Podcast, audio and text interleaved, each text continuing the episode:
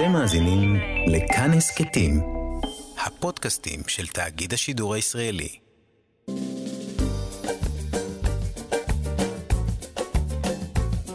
שישים החדש, עם איציק יושע.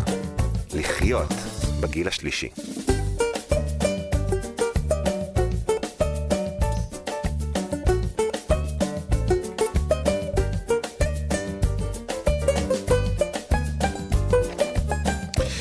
שלום, בוקר טוב לכם, מאזינות ומאזיני כאן תרבות, אנחנו 60 החדש.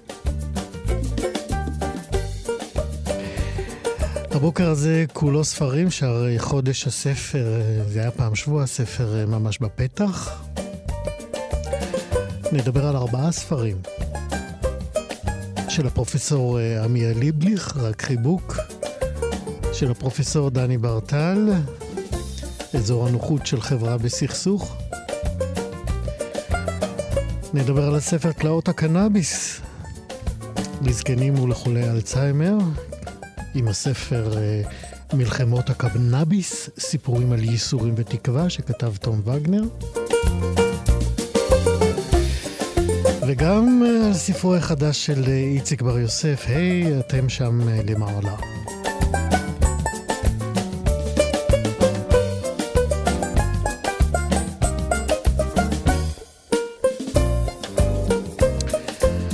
כמובן אה, תהיה לנו מוסיקה ישראלית ותיקה מראשית הפופ הישראלי, ככל שנספיק.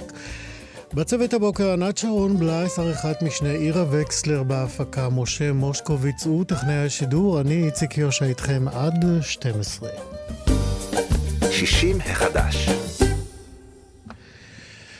כחוקרת וכפסיכולוגית, הפרופסור עמיה ליבליך היא ללא ספק מן הדמויות בעלות המבט הבוחן, המרתק והמעמיק על הפסיכולוגיה של החברה הישראלית.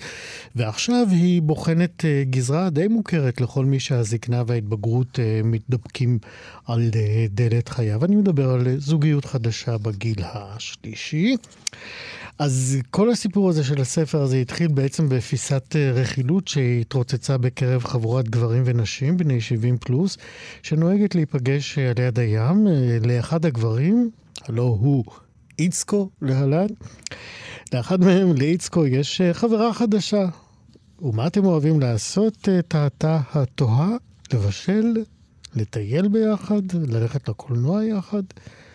מה בעצם רוצים חברים בגיל שלנו? להגיד את האמת, ענו לה, רק חיבוק. וכך נולד בעצם מחקר, וספר חדש שזהו גם שמו, רק חיבוק, שכתבה הפרופסור עמיה ליבליך. נזכיר רק שהיא מוותיקות האוניברסיטה העברית, וכיום היא ראשת בית הספר לחברה ולאומנויות בקריאה האקדמית אונו. שלום לפרופסור עמיה ליבליך. שלום. אז רק השם של הספר שלך אה, מזמין חיבוק, וזה מזכיר לי, אגב, אה, מחקרים שקבעו שחיבוק הוא באמת איזה מין מזור אה, שאנחנו לא מספיק משתמשים בו להרבה מאוד כאבים נפשיים. אותו הורמון, אוקסיטוצין, שידוע גם כהורמון האהבה, שמועבר בחיבוק, הוא ממש שם חיים, ואת לקחת את זה עד הספר. כן, אני לא חשבתי על הורמונים, ממש לא. הנה אני כאן בשביל זה. כן. תראה, אני בעצמי בגיל הזה, והתופעה פרחה לנגד עיניי, כמו הרבה תופעות שכתבתי עליהן בעבר. ואז התחלתי לחפש אה, מה שאני קוראה מרואיינים, אנשים שמוכנים לספר לי על אה, זוגיות שהתחילה בסביבות גיל 70. ובמשך שנה ניהלתי שיחות כאלה מוקלטות, וזה הבסיס לספר, שפשוט אה, מספר לנו שזה אפשרי. יש דברים כאלה שלוקחים כל מיני גוונים, כמו שאני קוראת לזה, זה מין קלדוסקופ, המון רגשות וחוויות, ובעצם חיים שלמים. נכנסים בסיפורים האלה. כמה מרואיינים אה, ראיינת אה, כדי להגיע לספר הזה? אני ראיינתי 32 איש, אבל לא על כולם כתבתי. Mm-hmm. כי היו אנשים שהסיפור שלהם היה מאוד דומה למישהו אחר, או סתם לא התאים. מהי קשת הגילים של אותם אה, מרואיינים? אני מ-69 עד 95. וואו. אז בואי ת, תנסי ב- מאלה שכן נכנסו לספר אה, לספר לנו אה, אה, מה סיפור הזוגיות הכי מפתיע ש, ש, שנפרס לפנייך. וואו, זה כמו את מי אתה אוהב יותר, את אז, אז בואי נמנה את כל מי שנספיק. טוב. אה, הייתי מתחילה מזוג שפגשתי בבית אבות מאוד צנוע, לא מאלה שמפרסמים בטלוויזיה. ואמרו לי ישר מאם הבית שאת הזוג הזה כדאי לי לראיין. האישה, תכף אני אגיד לך בשם, בשם הבדוי שלה, קראה לעצמה נרקיס אחר כך. כל האנשים בחרו לעצמם שם בדוי. ובאמת כל כך מתאים. היא עולה אה, מאוד ותיקה מארצות דרום אמריקה, אה, חיה חיים מלאים פה, לא הייתה משהו יוצא דופן, גידלה משפחה, עבדה בשקם, ולימים נכנסה עם בעלה לאותו בית אבות. ושם בעלה הידרדר ונפטר כשהוא עבר תקופה לא פשוטה של דמנציה. היא טיפלה בו, אבל באותו זמן היה עוד דייר אחד שעזר לה בטיפול. הוא היה לוקח את בעלה לפעמים לטייל, הוא היה אומר לה, את תלכי לרקוד בערב ריקודים שעצם אני כבר אשמור עליו. אה, הוא היה באופן מאוד נוגע ללב. כשהחולה הזה היה רואה כל מיני הזיות, כמו שהנה מטוס חונה פה למטה, אז הידיד אמר לו, לא, זה לא מטוס, בוא אני ארד איתך ונראה. אז הגברת שמספרת לי את הסיפור התאלמנה בסופו של דבר, אבל עוד לפני שבעלה מת, כבר היו לה קשרי ידידות וחיבה אל הדמות הזאת של הידיד, שכמו בתמונת ראי, ליווה את אשתו שהלכה למותה כמה חודשים אחרי הגברת שעליי אני מדברת. אז יש לנו פה אלמן ואלמנה. הקשר שלהם נוצר בתוך בית אבות דיור מוגן. האהבה שלהם מתפתחת תוך כדי הטיפול והפרידה מבני זוג של המון המון שנים. ועכשיו הם אנשים ממש מאוהבים. וזה לא בגלל שאנחנו לפעמים חושבים על זקנים שהם יעני נעשים כמו תינוקות, שהם לא לגמרי יודעים או אחראים. לא, זאת אהבה, אהבה, שמתבטאת במתנות קטנות ובריקוד יחד וטיולים קטנים. ועל הכריכה של ספר יש ציטטה שאני בחרתי ממש כאחת החביבות עליי, שאלון, הבן זוג הזה, שהוא היום בן 91, זאת אומרת לפני הקורונה, הוא היה בן 91, אומר לי, קנינו ביחד כרטיס מפעל הפיס. אם נזכה, אנחנו טסים לקריבים. אז הנה גם אתה צוחק. אני צוחק משמחה, כן. ובוא נגיד, רוב הסיפורים הם מחממי לב, הם סוג של חיבוקים שגם אנחנו נותנים לעצמנו, אבל כמובן לא כולם. יש אה, גם סיפורים עצובים פה. יש ארבעה סיפורים על סיום של התקשרות כזאת אה, מגיל 70 פלוס, עם מוות, שבוא נגיד אה, זה צפוי, ועם פרדות אחרות. אז המגוון הוא פשוט עצום. זאת אומרת, בעצם את אה, חוזרת ומאששת גם בסיפורים שלך, גם בגישה שלך, אה, אה, את ההנחה שצריך להפריך שהאהבה מתה בזקנה, ולא היא, את אומרת. ממש לא.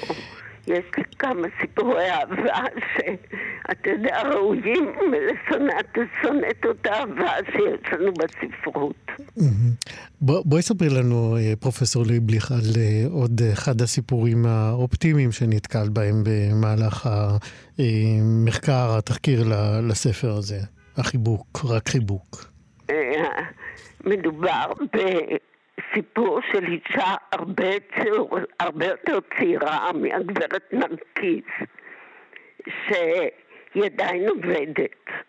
אה, ואני כמובן מסווה את הזהויות שלהם, אז תקראו בספר שזה לא בדיוק הסיפור, הזיהוי הנכון שלה כמובן. זאת אישה גרושה. מאוד אה, מוצלחת, מפותחת, יפה, שהרבה שנים חיה בכעס נורא ואיום כלפי בעלה האקס שלה, שעדיין בסיפור היא, היא כל הזמן כמו באיזה מגנט נמשכת אה, לספר איתי, לספר עליו, כאילו לסגור את החשבון. ואני בחרתי לספר את, ה, את הסיפור האחרון בספר הזה, בגלל ש... וכאן ראיינתי רק אותה, כי בעלה, בן זוגה, הם לא נשואים היום, לא רצה לבוא ולחשוף את הסיפור שלו, וזה מובן, זה גם כן קורה לא פעם. נשים יותר פתוחות לספר. בכל אופן, האישה הזאת ממש סיפרה על תהליך של התאהבות פתאומית באיש שהכירה לפני הרבה שנים בנסיבות ניטרליות ופתאום משהו מקצועי מפגיש אותם והיא הולכת למסור לו איזה דבר והיא בסוף נשארת שעות והיא אומרת, הרגשתי כמו בגיל 16, הרגשתי כמו נערה שפוגשת את האהובה. והוא אומר, לה, כאמור, אותו לא פגשתי, אבל הוא אומר לה אותו דבר, הוא אומר, היו לי כמה נשים בחיים, אף פעם לא אהבתי כמו שאני אוהב אותך. אה, כשדיברתי איתה זה היה קשר שכבר מלאו לו שנים אחדות, אי אפשר להגיד שזה על הגל של ההתאהבות, אבל אילו לא הייתי כותבת את הגילאים שבהם מדובר, אף אחד לא היה חושב ש, שזה הגיל שעליו אני מספרת. כמה את uh, שינית uh, עמדות uh, שלך, uh, מוצהרות או פנימיות, uh, גם כחוקרת, גם כפסיכולוגית, uh, מול אותן uh, uh, סיפורי אהבה שניצתו בגילים כל כך מתקדמים? אני אגיד לך, אני לא חושבת שבאתי והשתניתי מתוך המחקר הזה, כי כמו פסיכולוגית וסתם אדם עם כבר חוכמת חיים, אני יודעת כמה זוגיות היא תורמת לבריאות הנפשית, לאושר וכולי. ולהפך. ולהפך, אני רוצה להשלים את המשפט, שהבדידות היא המכה של החיים הארוכים שלנו. אה, זה שתוחלת החיים יותר גבוהה ורמת החיים יותר טובה להמון אנשים זקנים, שהבריאות שלנו נשמרת תחת כל ההשגחה הרפואית שמתאפשרת עכשיו, זה נפלא. אבל המון אנשים, וראינו את זה בתקופת הקורונה, שהמון אנשים סובלים מאוד מאוד מבדידות, והמחשבה שיש בכלל אופציה כזאת להיקלע או ליזום קשרים חדשים, היא אה, יוצאת מהכלל בתוך הקונטקסט הזה. ואגב, יש פה סיפורים שהתחילו מ... מפגש אינטרנטי מאתר היכרויות, לא הרבה. אבל יש כאלה. יש גם כאלה, כן, אנחנו יודעים, ואנחנו שמחים לדעת שיש יותר ויותר אנשים מבוגרים אה, שמשתמשים בטכנולוגיות ובפלטפורמות שזמינות לנו להיכרויות חדשות. הפרופסור אה, עמיה ליבליך עם הספר החדש, אה, רק חיבוק. אנחנו שולחים לך מכאן חיבוק, ותודה רבה על הספר הנהדר הזה, ומזמינים את המאזינים שלנו לחפש גם את הספר הזה. רק חיבוק, הפרופסור עמיה ליבליך. תודה רבה. תודה לך. להתראות. להתראות. 60 החדש. כשאביו אה, של תום וגנר אובחן כחולה סרטן במוח אה, ורופאים בישרו כי נשארו לו חודשי אה, חיים ספורים, וגנר יצא בעצם למסע שאותו הוא מכנה הזוי ומטורף. מסע שהיה כולו אה, ניסיון אה, הירואי, אפשר לומר, אה, להשיג לאביו שמן קנאביס, התרופה היחידה שהייתה עשויה להקל את כאבי הסרטן של אביו. אביו של תום, התברר, הוא חלק מקבוצה רחבה מאוד של זקנים שעוברים גיהנום וסיוט לא רק בכאבי המחלה, אלא גם בדרך להשגת מרגוע והקלה. זקנים, אנחנו יודעים, אבל גם צעירים. אה, במסע הזה שהוא עבר, תום וגנר, הוא נחשף בעצם אה, למצבה האמיתי של מערכת הבריאות וגם גילה על הדרך אה, לדבריו קבוצה מדהימה של אנשים שאותם הוא מכנה מחתרת של מלאכים שעוזרים לחולים להשיג שמן קנאביס למרות שהם מסכנים בכך את עצמם ומוכנים להקריב הכל למען זרים מוחלטים שכל כך זקוקים אה, למזור אה, למחלתם. ואת סיפור המסע הזה, עכשיו הוא מוציא, תום וגנר, בספר חדש שהוא קרא לו מלחמת הקנאביס, סיפורים על ייסורים ותקווה. שלום, תום וגנר. שלום איציק, בוקר טוב. בוקר טוב. תגיד, מתי הבנת שבעצם אתה צריך להיות קול לכל אותם סובלים? תראה, התהליך התחיל בעצם ממה שקרה לי תוך כדי המחלה של אבא שלי, ש, ש, שנקלעתי באמת לעולם שהוא מטורף לחלוטין. אה, פתאום אה, המערכת שאמורה להיות אה, העזר כנגדך במצב כזה, פתאום הופכת להיות מכשול. לא, אגב, לא כי, לא כי אנשים רעים, כי יש חוק שהוא חוק ש, שמפריע בדרך. Uh, ואתה מוצא את עצמך תלוי באנשים uh, שהם uh, זרים מוחלטים, שאתה יודע, ש, שהממסד אומר עליך, אומר עליהם שהם פושעים ואנשי שוליים וצריכים להיות בכלא. אה, אבל הם אלו ש, שעוזרים לך ב, ב, בהתנדבות ובלי, בתוך כדי סיכון עצמי. אה, במקומות ש, שהמערכת מחזיבה אותך. כן, אנחנו מיד נגיע אליהם. אני רוצה בכל זאת אה, לחזור טיפה אחורה בסיפור שלך. מתי בעצם אביך אובחן או התגלה כחולה קשה? בשנת 2018. Mm-hmm. תספר לי על, ה, אה, על, ה, על הבשורה, על ההתמודדות, מתי הבנת שאתה יכול להקל עליו? אז אה, טוב, הבשורה כמובן אה, לא, לא הייתה קלה. בהתחלה המצב היה כזה ש, שהרופאים חשבו שהם יכולים להתמודד איתו בכלים הקונבנציונליים, ואז הסרטן עלה למוח. סרטן במוח זה סיפור אה, קצת שונה כבר מאשר אה, סוגים אחרים של סרטן, גם במצב הספציפי שבו בו היינו בעצם, אף, אף אחד לא נתן לנו איזושהי תקווה, כן?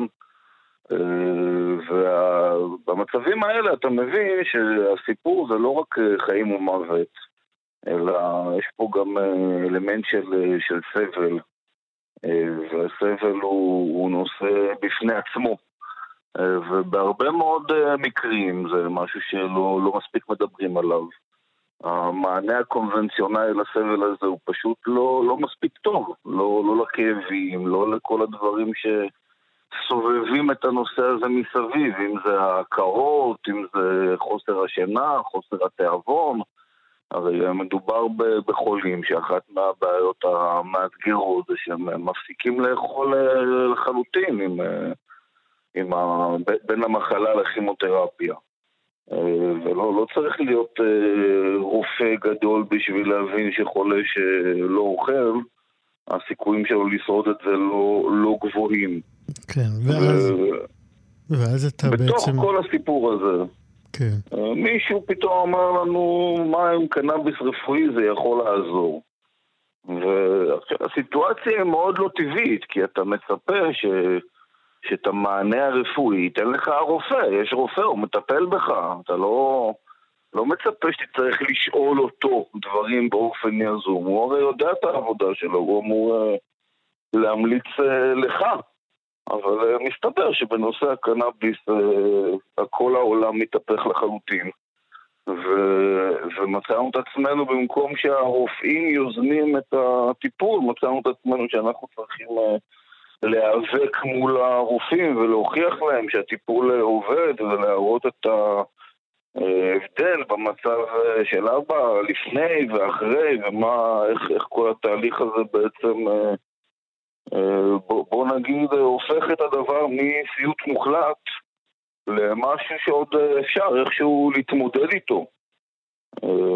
לפחות בן אדם אוכל, מתקשר, לא, לא, לא, לא סובל כל הזמן, ישן בלילה. ו, וכל זה קורה כשבעצם במקום לקבל את הדבר הזה שכל כך עוזר בצורה מסודרת, אה, כמו כל שאר התרופות שקיבלנו בבית חולים, אנחנו בעצם צריכים אה, להשיג את זה בצורה בלתי חוקית, אה, בתוך כדי סכנה במאסר, מעצר, לך תדע לאיפה הדברים האלה יכולים להגיע. ותוך כדי מסע, מסע באמת די מטורף ברחבי הארץ, שבו נתקלתי בדרך בהרבה מאוד אנשים שעשו הכל בשביל לעזור לי למרות שלא הכירו אותי.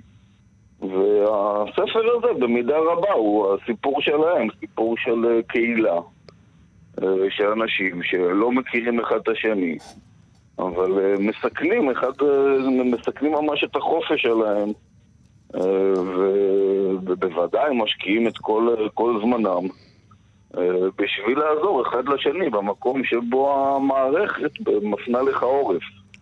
וצריך לומר אה, שלאנשים זקנים מן הסתם זה הרבה יותר אה, מורכב ופשוט, והרבה יותר מורכב וקשה מלצעירים שאולי המיליה החברתי שלהם בכלל קרוב נגיד לאזורים האלה. אתה מספר בספר אה, אה, אה, סיפורים של כמה וכמה אנשים, חלקם אנחנו מכירים מהתקשורת, שבעצם המפגש איתם גם קידם את המסע החיפושים או העזרה שלך לאביך. אני רוצה להתעכב איתך, ב, אם תוכל, על סיפור אחד. בוא נגיד, למשל, אתה מזכיר את גיא לרר, למשל, בספר. כן. בוא נדבר עליו. כן. אז, אז באמת אה, היה פה רציונל של לנסות להראות את 360 אה, מעלות של, ה, של סיפור הקנאביס הרפואי מכל מיני נקודות מבט, גם אה, של חולים, של בני משפחות, גם של רופאים וגם של אנשים שמסקרים את הסיפור הזה. גיא לרר, אחד מהראשונים שסיקר את תחום הקנאביס הרפואי והביא הרבה מאוד סיפורים שהמחישו אולי את העומק ש... שהדברים אה, מגיעים אליו כשבסוף חולים אה, במחלות הכי קשות לא מצליחים לקבל אה, מענה מהמערכת, למרות שהוא מענה שיכול לגדול בעציץ במטבח יחד עם הפטרוזיליה. אין פה איזשהו אתגר הנדסי, מדעי, מורכב, זה רק איזשהו בירוקרטיה ש... לא, לא עושה את מה, ש... מה שהיינו רוצים שהיא תעשה במצב הזה. אה, וגיא לרר הוא בעצם אפשר להגיד שבתור עיתונאי הוא יצא פה מגבולות הסיקור העיתונאי המוכרים. אה, אחד מהסיפורים באמת שאני מספר בספר זה הסיפור של הילד ידידיה, ילד חולה אפילפסיה, שבגלל מסכת הכשלים שמאפיינת את כל התחום הזה, או אפילו אפשר להגיד אולי ההתנכלויות, לא הצליח לקבל את מינון הקנאביס הרפואי בסוגים המתאימים ש...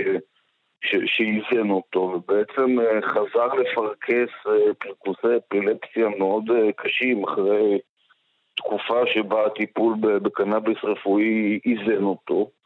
וגיא לרר בעצם, אפשר להגיד, חרג מהקו בשידור חי בטלוויזיה. עשה מבצע שבו אנשים תרמו את הקנאביס הרפואי שלהם ואנשים אחרים הביאו אותו לידידיה. שרק צריך להגיד, זאת חלק מהסיפור פה, זה שכל, מבחינת החוק, כל הדבר הזה, זה נקרא עבירה סיטונאית על החוק. אסור, אסור לבן אדם להעביר את הקנאביס הרפואי שלו לאיש אחר, גם אם זה תרומה, גם אם זה מישהו שמאוד סובל, אסור לפי החוק למישהו להעביר קנאביס רפואי ממקום למקום בלי שיהיה לזה רישיון מיוחד של שינוע וכולי, ובאמת חלק מהסיפור שחוזר על עצמו זה שאנשים שהם אנשים ללא ספק נורמטיביים, אפשר אפילו להגיד אולי למעלה מנורמטיביים, למעלה מהממוצע, אני חושב שאף אחד לא מסתכל על גיא לרר וחושב שמדובר באיזה עבריין או משהו כזה, כן? כן? אבל הוא למעשה נדחף לעבריינות. כן. בגלל סיטואציה חוקית, משפטית, שמכריחה אנשים שהם אנשים מוסריים לעשות את הדבר הנכון, של להעדיף את הטיפול בחולה על החוק היבש. ו- ותוך כדי כך בעצם לסכן את עצמם בדברים לא, לא פשוטים. כן, תום וגנר, אתה נחשפת למציאות העגומה הזאת, וטוב שאתה אה, חושף ומעלה אותה אה, בעקבות אה, מפגש עם הסרטן של אה, אביך.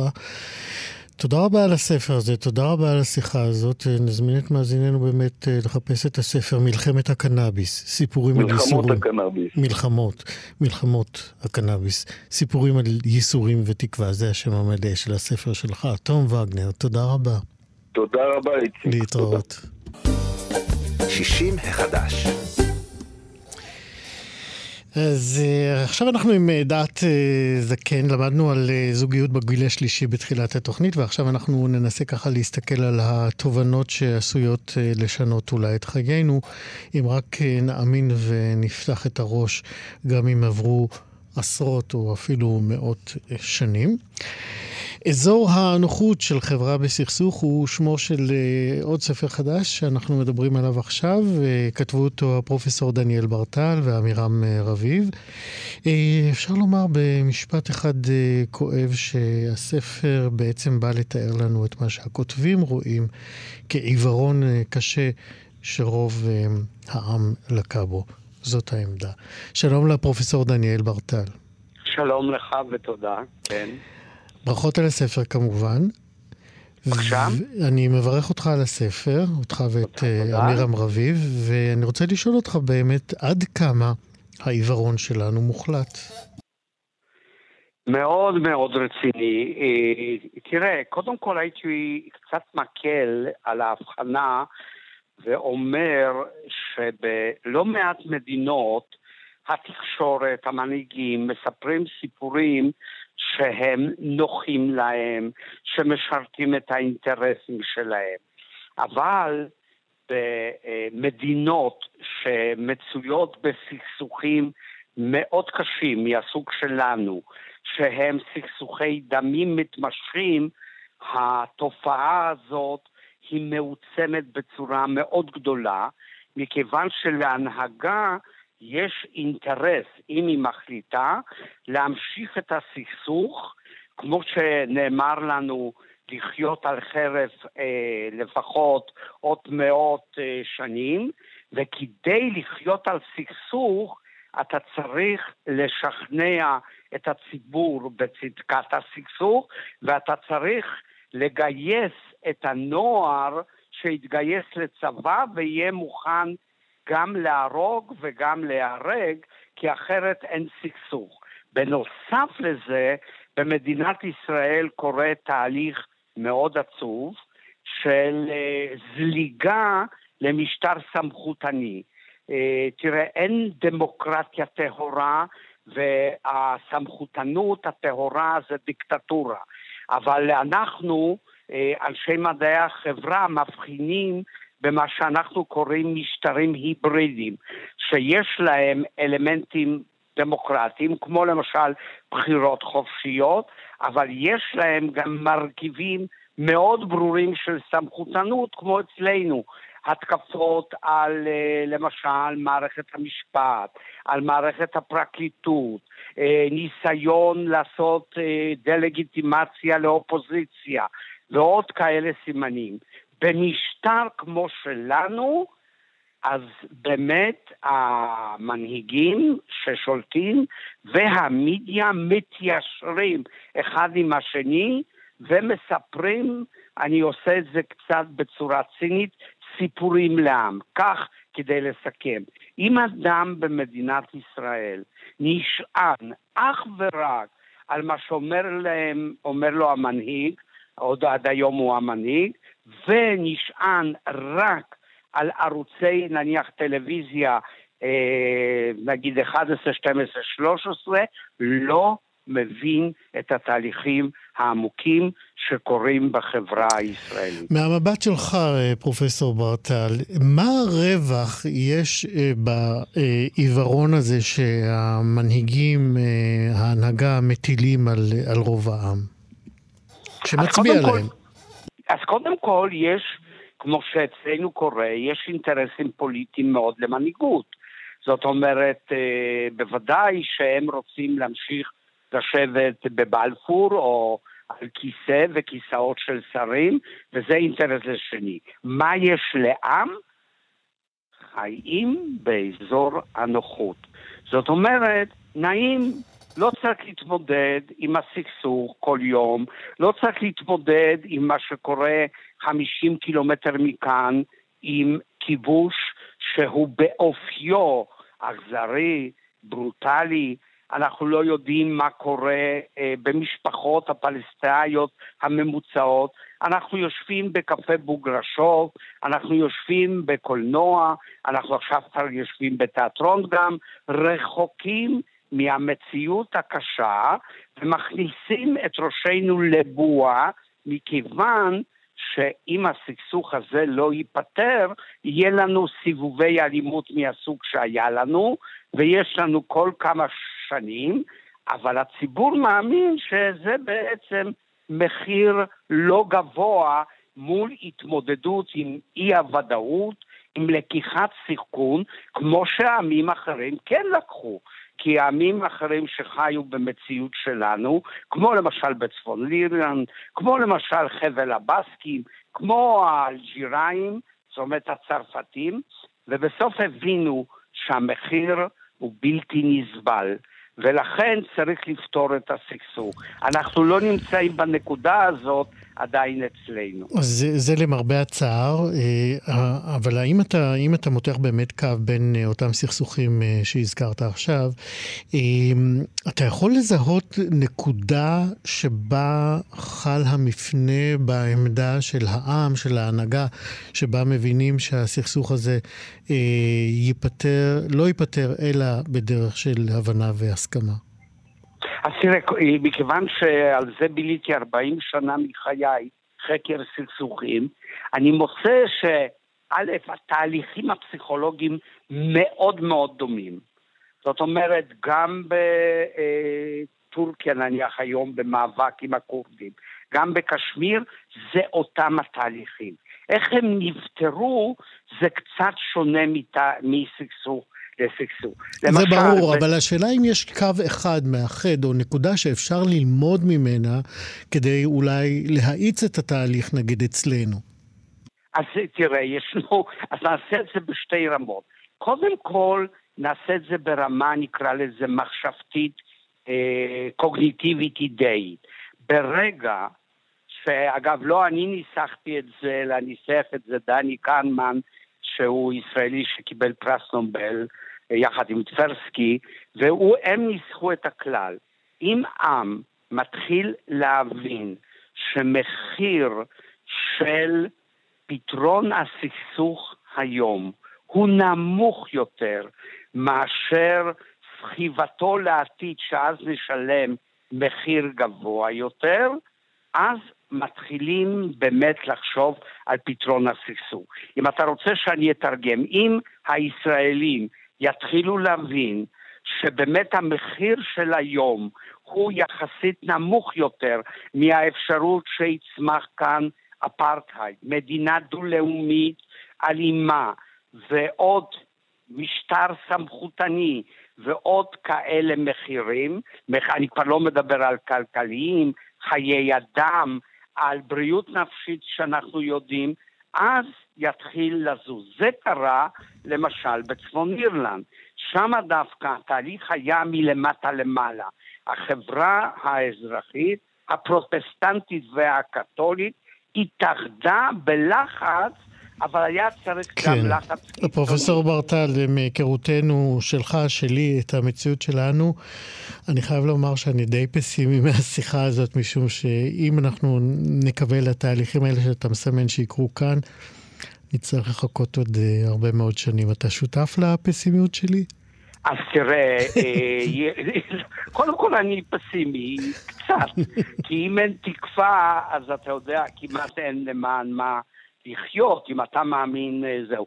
תראה, הרבה מאוד סכסוכים נפתרו עם לחצים מבחוץ.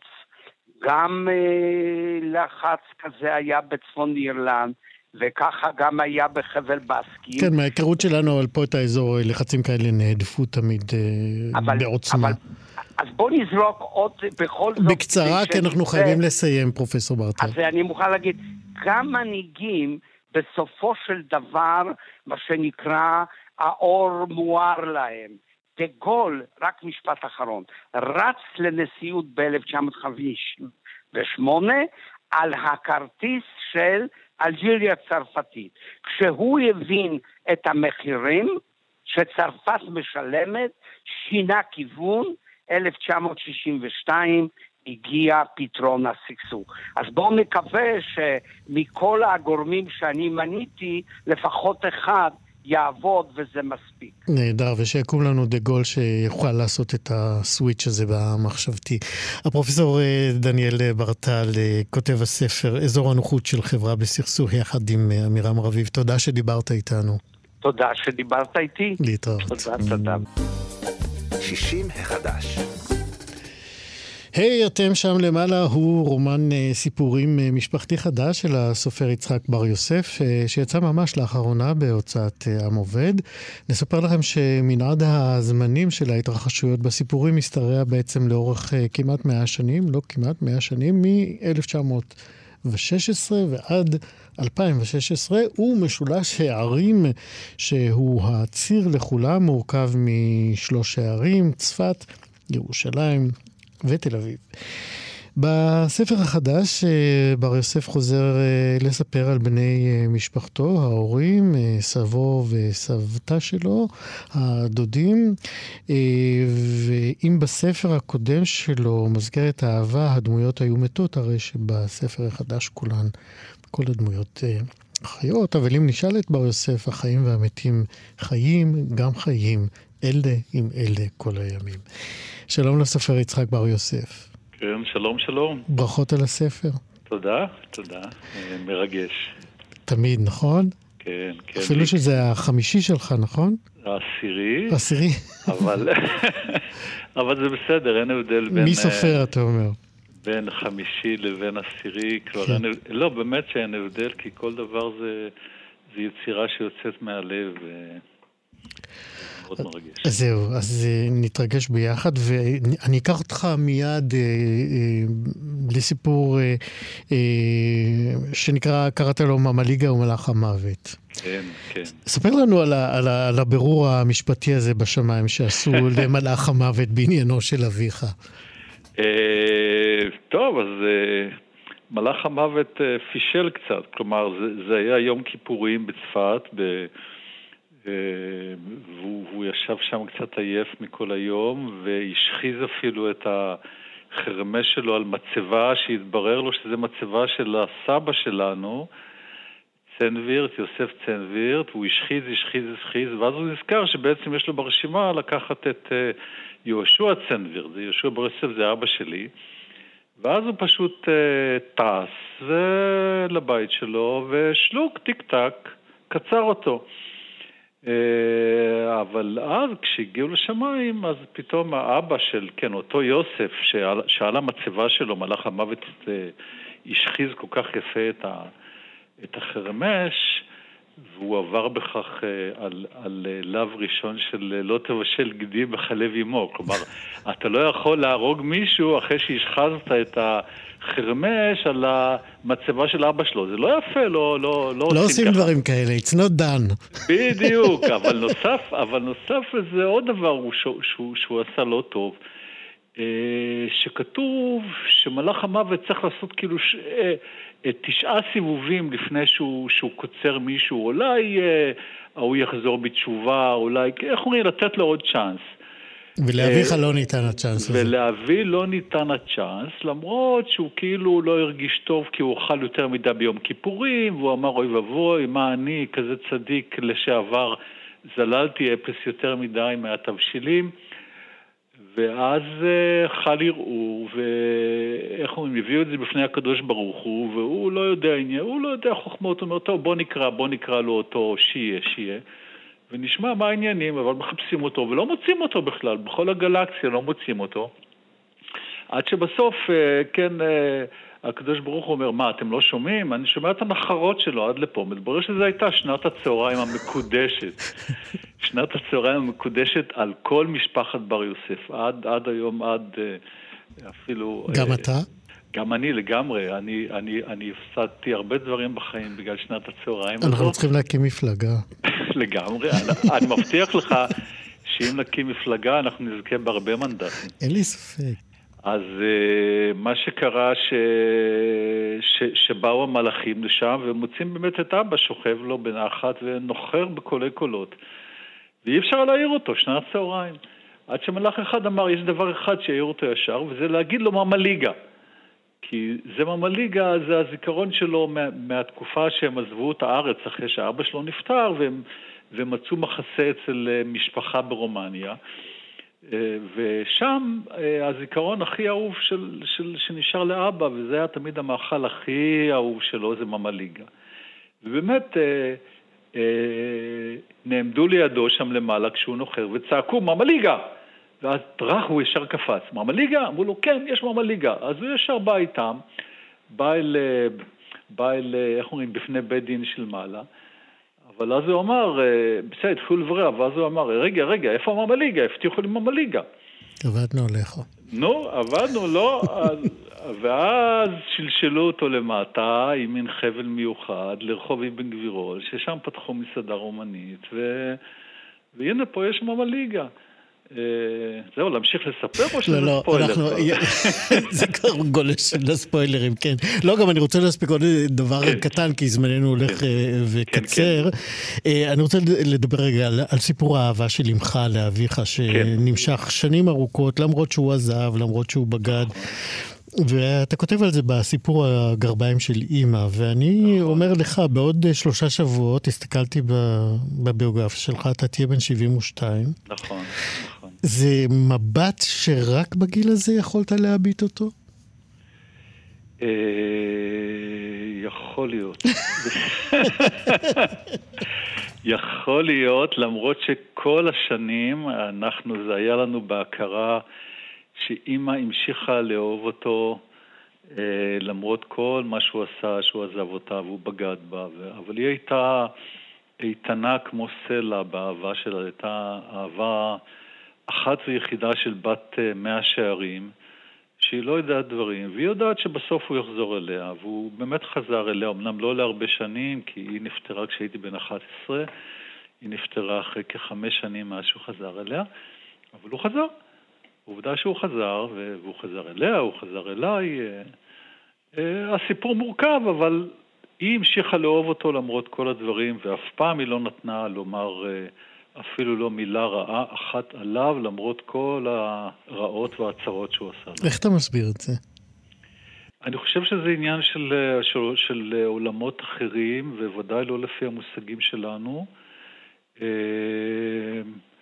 של אימא שהייתה כולה גוש של אהבה, היא עצמה הייתה כולה אהבה, זאת אומרת, זה, זה, זה היה הלב שלה, זה היה הרגש שלה, זה היה... וברגע שהיא, שהיא התאהבה בו בזמן הנישואים, אז הכוח הזה ששמו אהבה אה, לא נשחק משום דבר, היא פשוט הייתה כמו חזקה, כמו סלע, שהגלים לא, לא מצליחים לעשות שום דבר. וזהו, אז, אה, אז המשיכה לאהוב, המשיכה לחכות בשקט, ונכון שזה לא לפי המיטו של היום, אבל אה, אז לא היה מיטו, וגם היום אני בטוח שיש נשים ש... אה, שאולי החיים שלהם הם לא רחוקים מזה, ומכירות את, ה... את החוויה הזו, ובכלל כבר אין שיפוטיות ואין...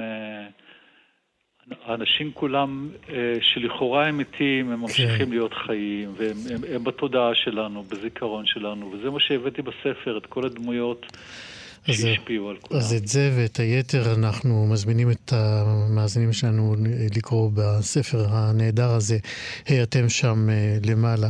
יצחק בר יוסף, תודה רבה. תודה רבה. להתראות. להתראות.